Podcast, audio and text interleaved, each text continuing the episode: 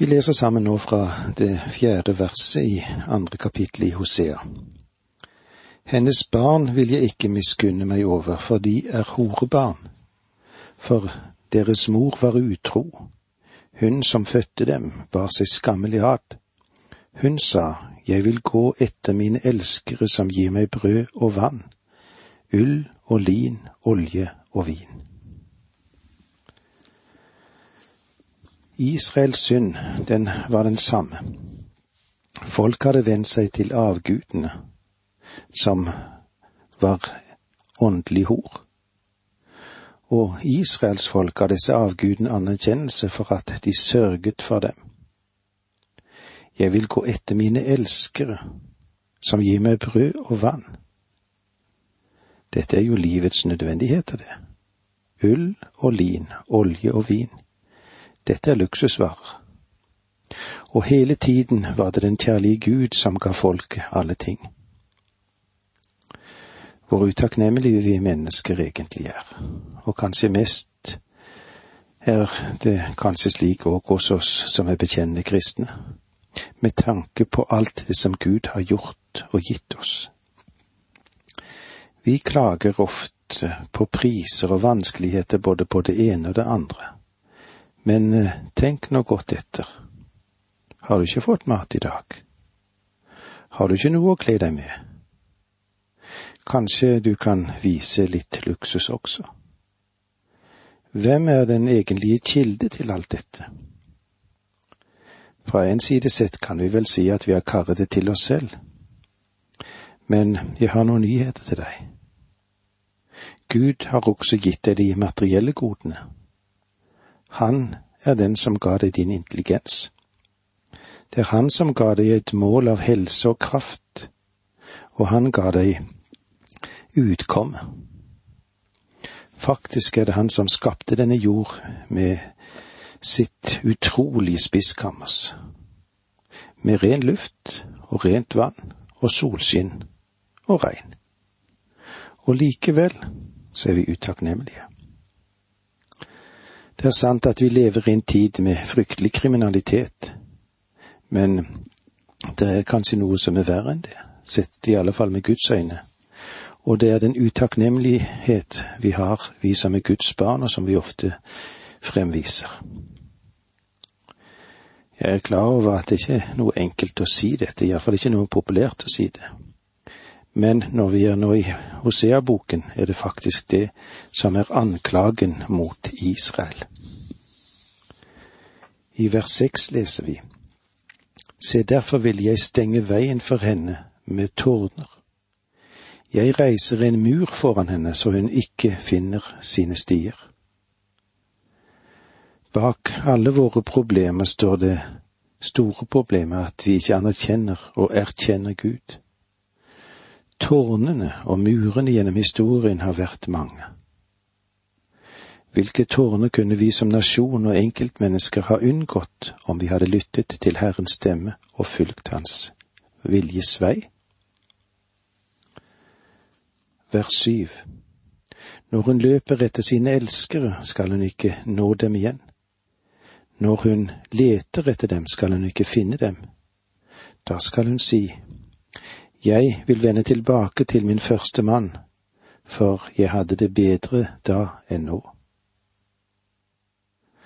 Det kommer en dag når ungjenta som er blitt en skjøge, ikke lenger er vakker og hennes elskere har mistet interessen for henne.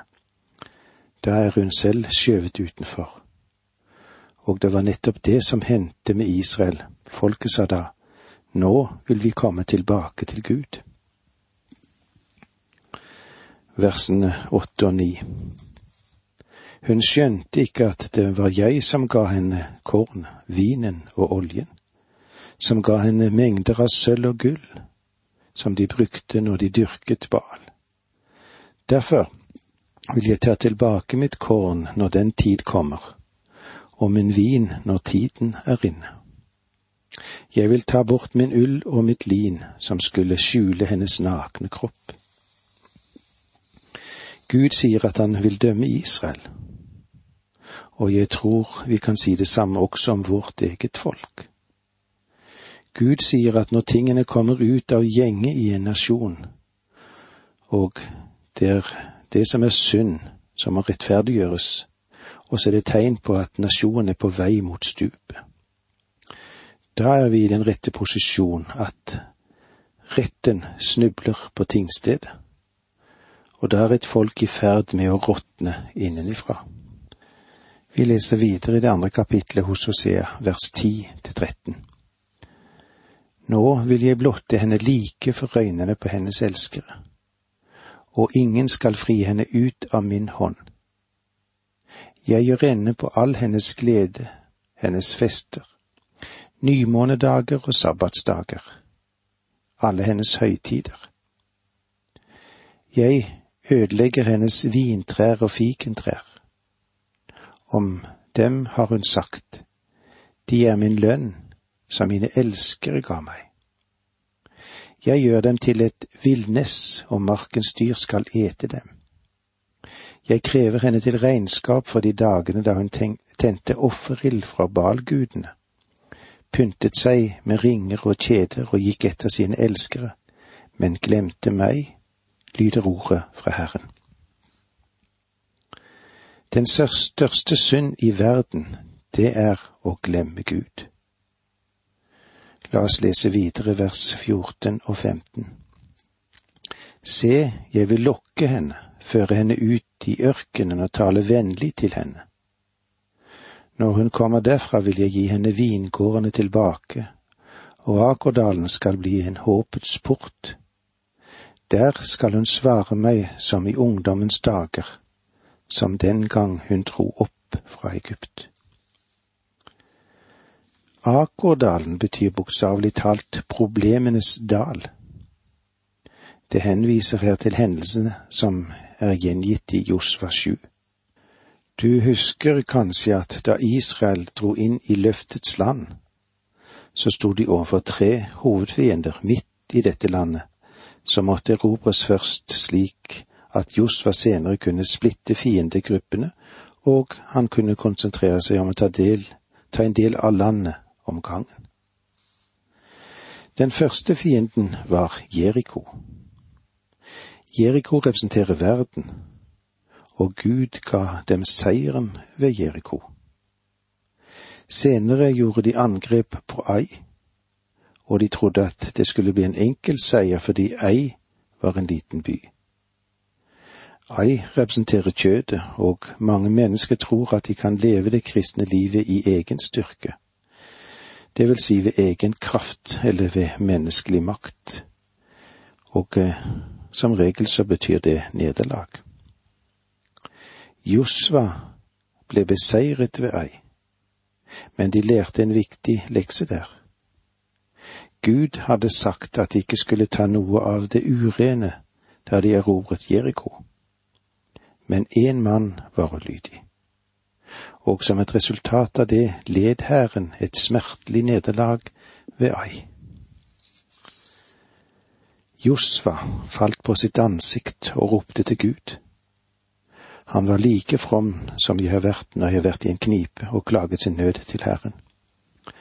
Herren sa til ham, Reis deg opp, Israel har syndet.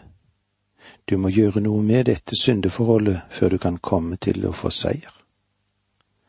Så da måtte de finne ut hvem som hadde syndet og til sist falt loddet på Akam. Akam og hans eiendeler ble tatt med til Akosdalen der de ble destruert og begravet. Da fikk Israel seier under general Josva. Og om vi òg ville ta et oppgjør med syndene som kommer av vår lyst, vårt begjær, vårt kjød, så vi også kan ha seier i det kristne livet. Akordalen skal bli til en håpets port.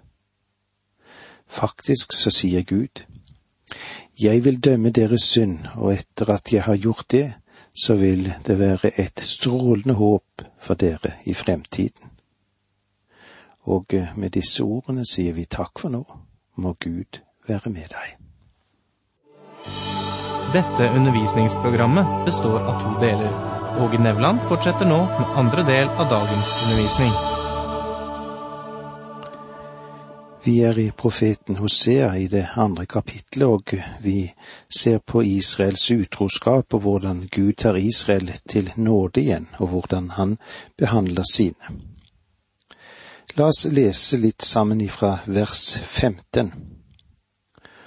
Og så snart hun kommer derfra, vil jeg gi henne vingårdene tilbake og gjøre Akersdal til en håpets dør for henne.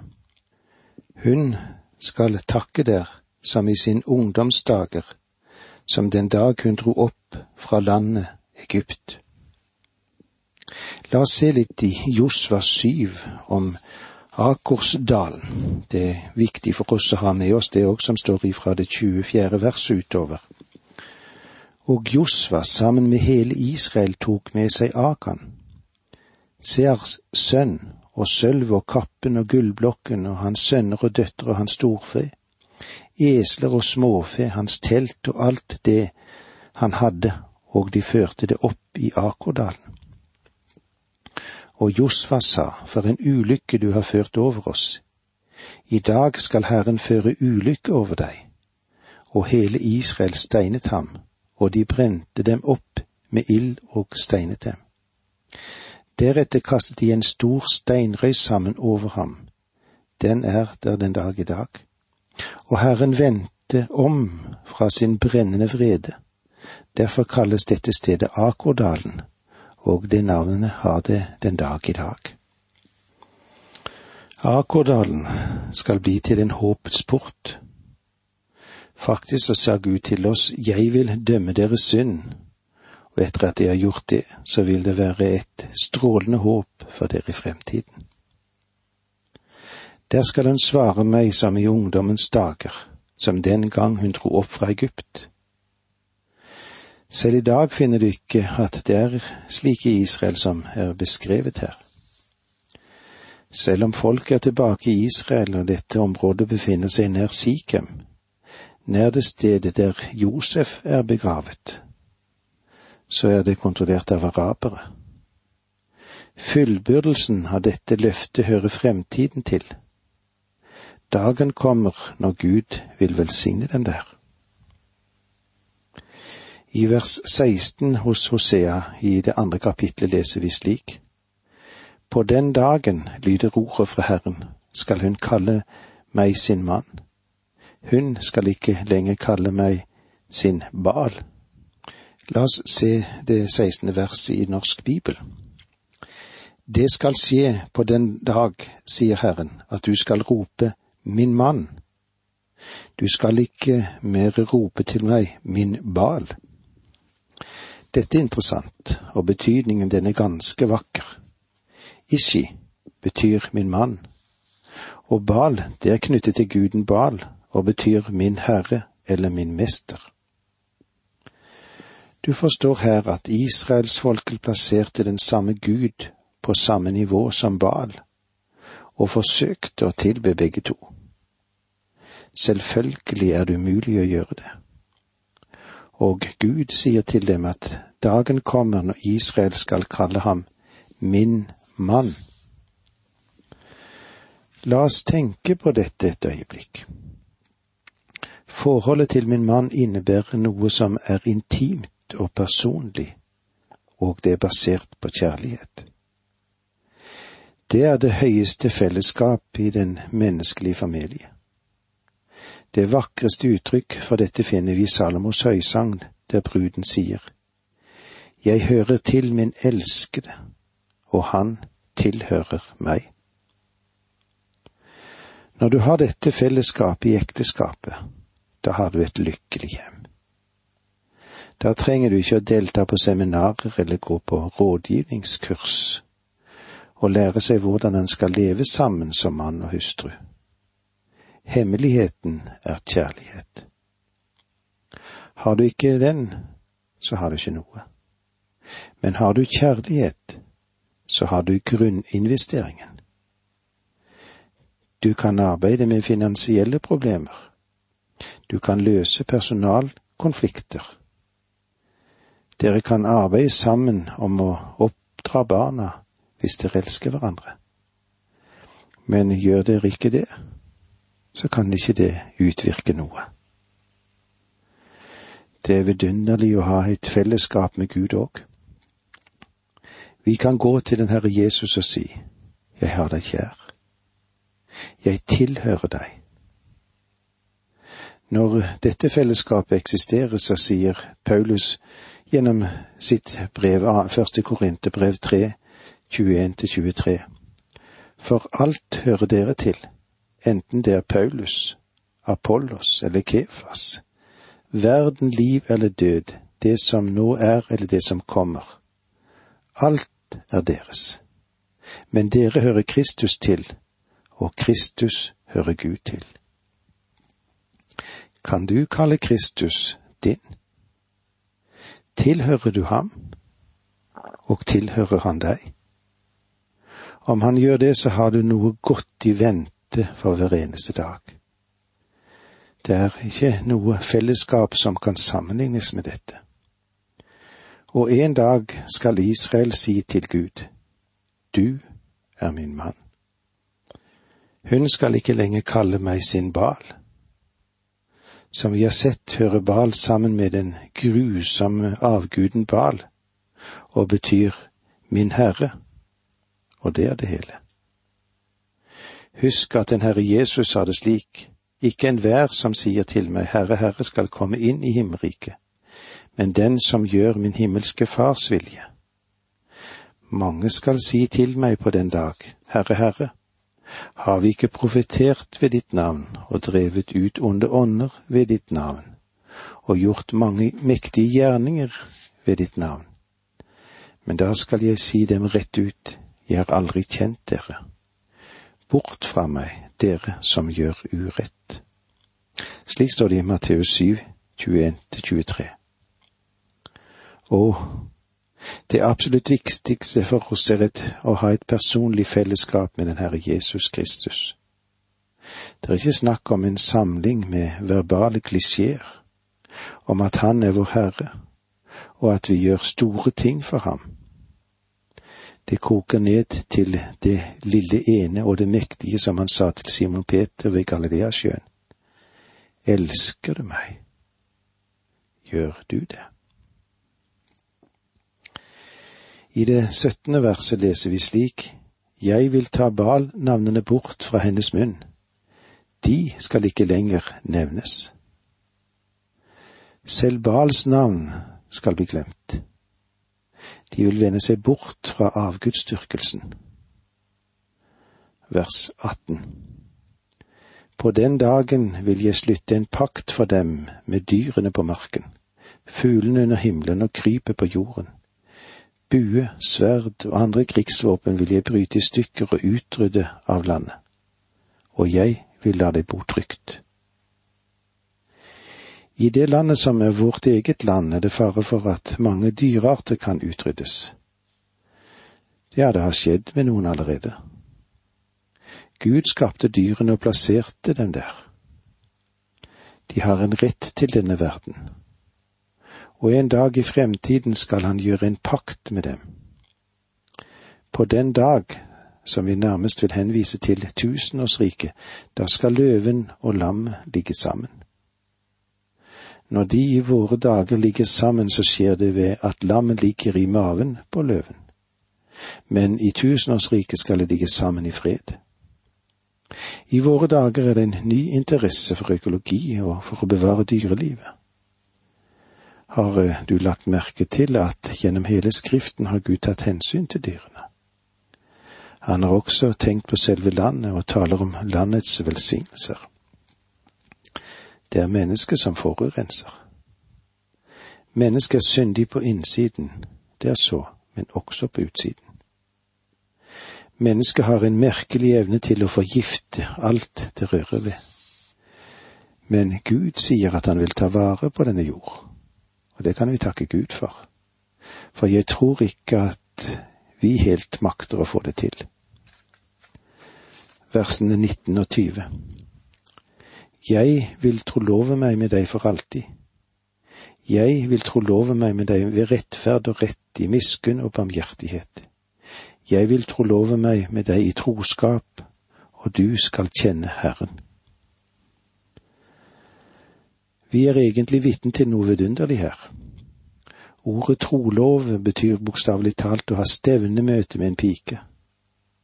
Er du gift, så husker du når din kjære var en ung pike, hvor vakker hun var, og alle de krumspring du gjorde for å møte henne og passe henne opp.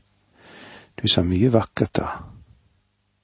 Det å ha stevnemøte med en vakker ung pike er en strålende erfaring.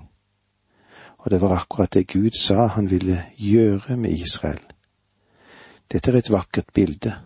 Gud sier, Jeg har til hensikt å vinne deg for meg selv.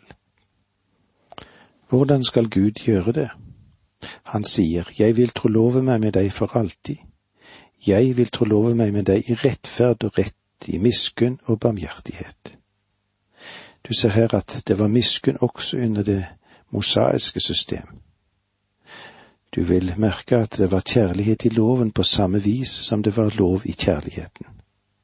Du kan ikke fullstendig adskille de to fra hverandre.